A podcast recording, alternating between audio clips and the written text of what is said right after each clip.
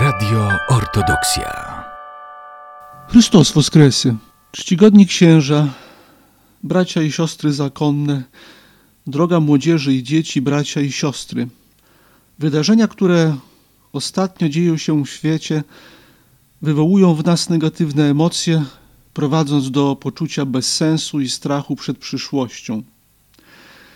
Docierające wieści o okropieństwach wojny, przemocy, niesprawiedliwości czy skutkach pandemii mimowolnie prowadzą do stwierdzeń podobnych jak w starotestamentowej księdze Eklezjasty, że wszystko, co w tym życiu jest marnością nad marnościami.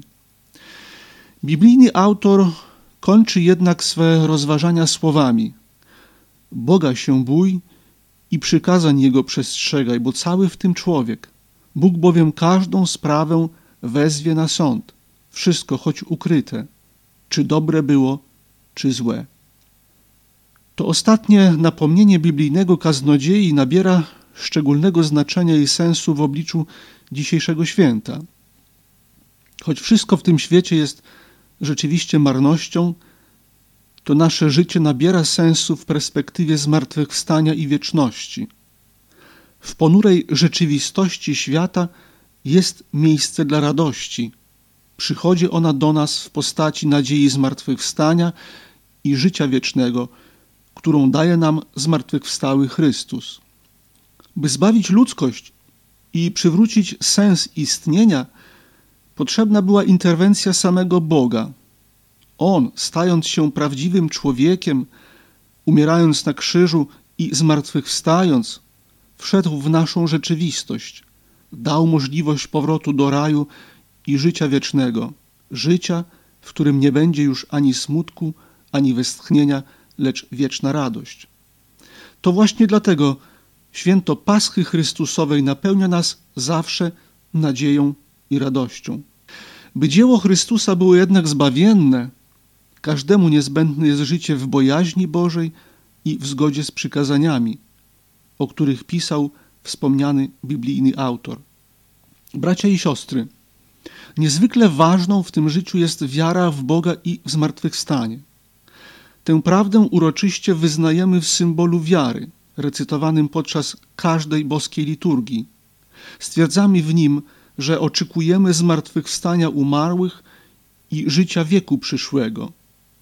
Jeśli rzeczywiście w naszym sercu odczuwamy takie pragnienie, to nasze życie zostaje napełnione bojaźnią Bożą, bojaźń natomiast stanowi gwarancję życia zgodnego z przykazaniami, a w efekcie daje zbawienie i życie wieczne. Bracia i siostry, jeśli wszystko jest tak logiczne i proste, to dlaczego w tym świecie panują wciąż zło i nienawiść? Dlaczego nie wszyscy żyją w miłości? Dlaczego brat wciąż zabija brata? Fakt ten świadczy wyłącznie o tym, że wciąż trwa walka, walka dobra i zła. Szatan wciąż walczy z Bogiem, a polem tej bitwy są nasze serca. Ta walka trwa wewnątrz nas. Nie łudźmy się, że jej nie ma. Ona jest w każdym. By nie dać się zwieść, wymagana jest od nas niezwykła czujność.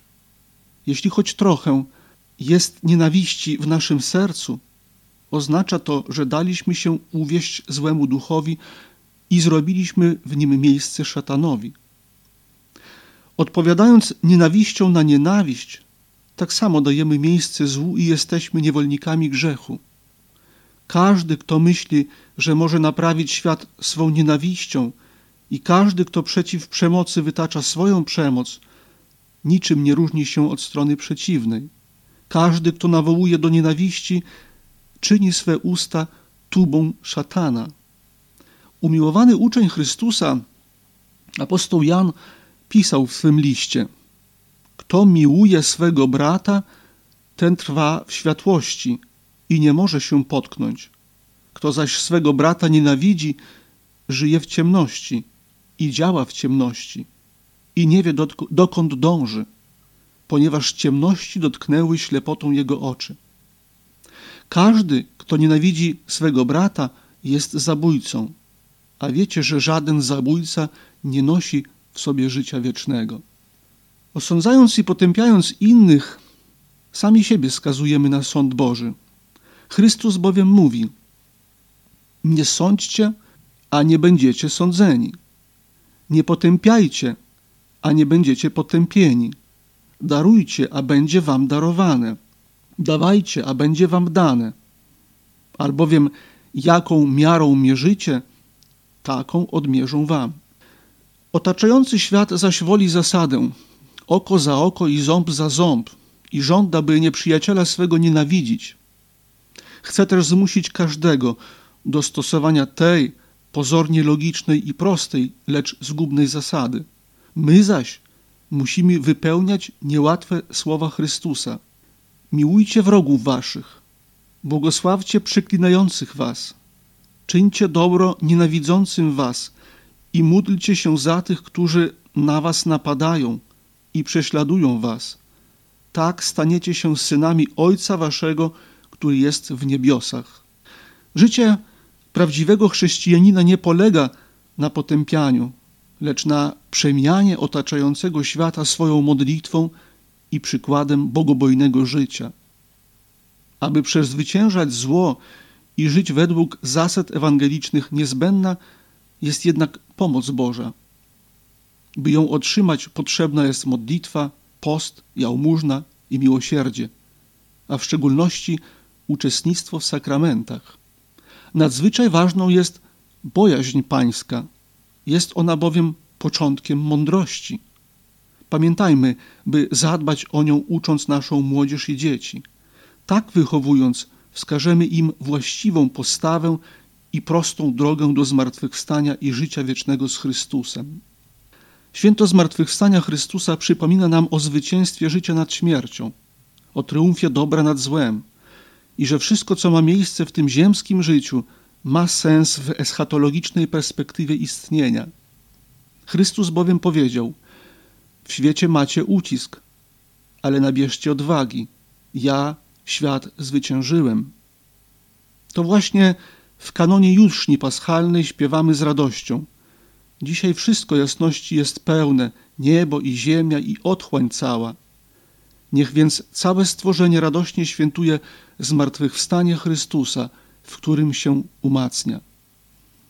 Umocnieni nadzieją zmartwychwstania, podziękujmy Bogu za Jego miłość i miłosierdzie i prośmy, by nas prowadził do życia w Jego Królestwie.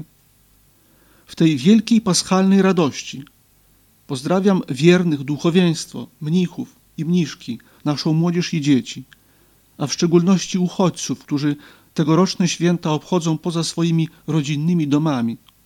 I życzę, by stała się ona udziałem nas wszystkich. Błogosławieństwo zmartwychwstałego Pana Jezusa Chrystusa niech będzie z wszystkimi wami. Chrystus woskresie, woistinu Chrystus woskresie. Radio Ortodoksja.